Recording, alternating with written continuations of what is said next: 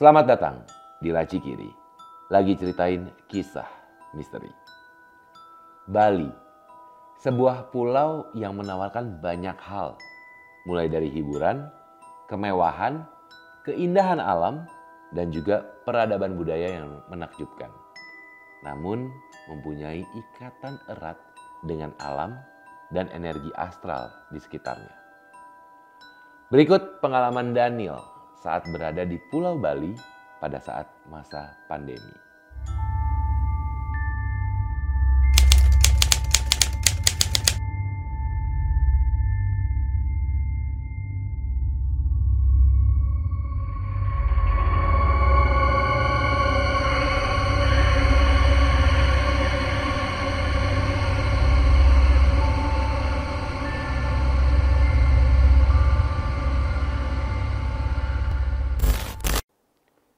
Masa pandemi kemarin memang memberikan sebuah cerita buat gue.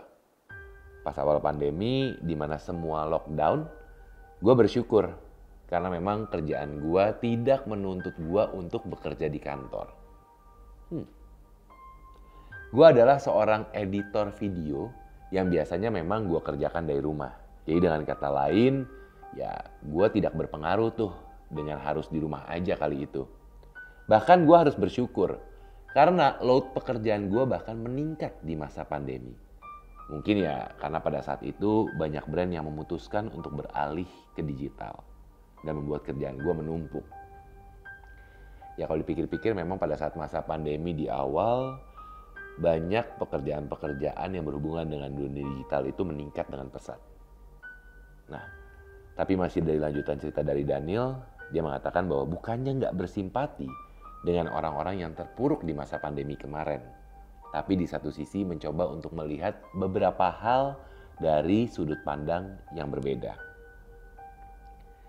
Dan karena overload dengan kerjaan yang ada gue juga ikut menjadi stres. Gue pun memutuskan untuk ikutan tren work from Bali. Toh juga pekerjaan gue memungkinkan untuk melakukan itu. Berangkatlah gue ke Bali. Setelah sebelumnya browsing dan memilih untuk ngontrak rumah di daerah Canggu selama dua bulan, karena jujur harga kontrak rumah di saat masa pandemi dan juga bahkan harga sewa villa di Bali di masa pandemi itu turun secara drastis. Pertama kali di Bali, gue tinggal di daerah Canggu, yang memang sepertinya menjadi pusat keriuhan lah saat itu, bahkan sampai saat ini setelah berada dua minggu di rumah uh, gua yang gua kontrak, gua kepikiran untuk mencari area yang lebih tenang. Antara Nusa Dua atau Ubud. Tapi akhirnya gua kemudian memilih daerah Ubud. Karena kalau di daerah Nusa Dua itu lebih banyak hotel. Sedangkan gua kepikirannya untuk stay di villa. Jadi gue lebih bebas, entah itu buat bekerja, ataupun juga untuk mengajak teman-teman gue berkunjung. Akhirnya gue memilih salah satu villa yang ada di daerah Ubud dengan harga sewa yang cukup murah untuk dua minggu. Dua minggu pun berlalu dan ternyata gue cukup menikmati suasana Ubud. Mungkin karena memang Ubud ini adalah sebuah uh, area di Bali yang bisa dibilang cukup menenangkan, cukup dekat dengan alam, tapi tidak terlalu lamai seperti daerah-daerah di Canggu. Dan akhirnya gue pun memutuskan untuk stay di daerah Ubud lebih lama. Tapi sayangnya villa yang gue tempatin sudah nggak bisa diperpanjang karena sudah ada yang booking setelah masa tinggal gue di sana. Mau nggak mau, gue pun harus mencari villa lain di daerah Ubud dengan minta diantar oleh seorang teman gue warga Bali berkeliling mencari villa-villa lain di sekitar sana.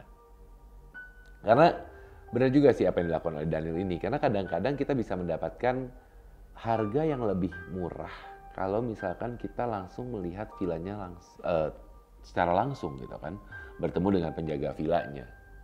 Dan ternyata memang Daniel pun bertemu dengan penjaga villa dari sebuah lokasi yang cukup menggiurkan. Kata Daniel bertemulah dia sebuah villa yang gak jauh dari tempat villa yang ditepati saat ini sebuah villa dengan dua kamar tidur, ada area kolam renang, dapur, dan sepertinya cukup baru. Saat ngobrol dengan penjaganya, Dia mengatakan bahwa villa ini ternyata baru selesai dibangun saat sebelum pandemik dimulai. Jadi bisa dibilang Daniel ini merupakan salah satu pengunjung pertamanya ya.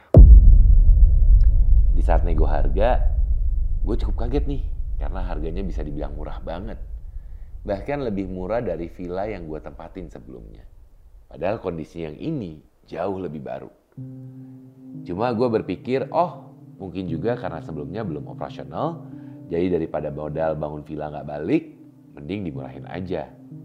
Gue pun langsung deal buat stay di sana selama dua minggu. Bahkan gue sempat bilang ke yang jaga, mungkin aja gue mau memperpanjang. Jadi kalau ada yang mau booking, langsung kabarin gue. Biar nggak kejadian kudu pindah villa kayak sebelumnya. Nah dua hari pertama di villa ini bisa dibilang cukup menyenangkan. Meskipun memang fokus kerja ngedit video, tapi vibe-nya bikin gue gak stres. Pas kerjaan ngedit udah beres, di hari ketiga gue pun mengajak teman-teman gue buat datang. Seperti biasa, kalau ngumpul sama teman-teman, artinya gak jauh dari party dan minum-minum. Ibaratnya stress release dari kerjaan lah. Dan bisa dibilang itu adalah kondisi paling kacau yang pernah gue alami selama gue di Bali. Dan keesokan harinya pun teman-teman gue balik ke tempatnya masing-masing. Dan malamnya gue mulai mengalami kejadian yang aneh. Tiba-tiba gue mendengar seperti suara pintu kamar mandi kebuka. Pas gue cek, ternyata gak kebuka. Gue pun kembali ke kamar tidur tiba-tiba gue ngedenger seperti ada orang yang lagi main di kolam renang. Pas gue tengok dari jendela kamar gue, gue singkap gordennya, gak ada siapa-siapa. Tapi di pinggir kolam jadi basah gitu. Hmm. Aneh juga ya, ketika tidak ada siapa-siapa, terdengar suara air, tapi di pinggir kolam basah. Hmm. Cuma akhirnya melanjutkan cerita Daniel, kalau menurut Daniel mungkin masih kecapean. Efek party dari semalam. Dia pun memilih untuk tidur. Besoknya gue pun bangun agak siang dengan kondisi yang capek banget. Tapi gue ngerasa mimpi aneh.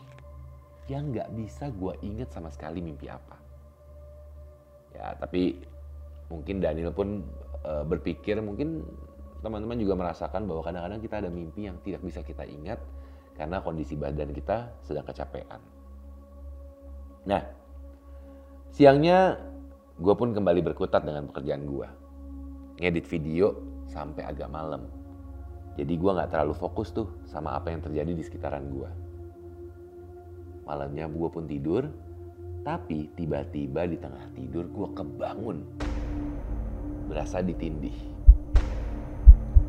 Atau mungkin ini adalah istilah yang kita kenal dengan rep-repan. Sempat cukup agak lama gue berasa kayak gitu, baru kemudian bisa tidur lagi. Nah setelah kejadian malam itu, makin banyak kejadian aneh yang gue alamin di villa. Besoknya, tiba-tiba gue mendengar seperti suara langkah kaki dari area kamar tidur gue di saat gue lagi ngedit video di kamar yang satu lagi. Kemudian tiba-tiba keran air di dapur nyala sendiri. Malamnya pas tidur, gua pun kembali rep-repan. Dan ini lebih lama dibandingin sebelumnya.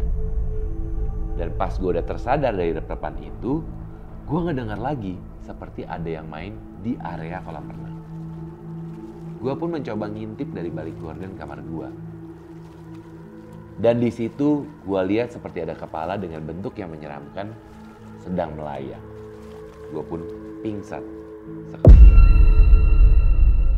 Ya mungkin Daniel begitu shock ya, sampai akhirnya dia pun pingsan. Besoknya gue langsung ngobrol dengan penjaga vilanya tentang apa yang dialami.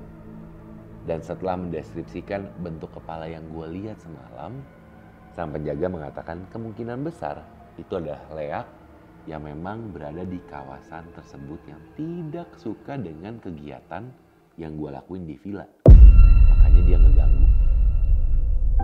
Gue pun memutuskan untuk cabut dari villa dan kembali ke rumah yang gue kontrak di Canggu saat itu juga. Meskipun memang sebelum cabut, gue sempat ngucap maaf kalau memang ada perbuatan gue yang tidak menyenangkan di saat berada di villa tersebut. Dan itulah tadi cerita dari Daniel melalui email contact.nicooliver@gmail.com. Mungkin lu juga pernah ngalamin hal mistis di saat menginap di hotel, menginap di villa. Silahkan share di kolom komen. Tapi satu hal juga yang perlu diingat. Bisa lu percaya, ataupun juga lu tidak percaya. Tapi sebenarnya gak pernah ada salahnya untuk selalu menjaga tata krama dan sopan santun di tempat kita berada. Terima kasih sudah menikmati Laci Kiri, lagi ceritain kisah misteri. Kalau lu punya pengalaman, silahkan share melalui email contact.nicooliver@gmail.com. Kita ketemu di Laci Kiri berikutnya.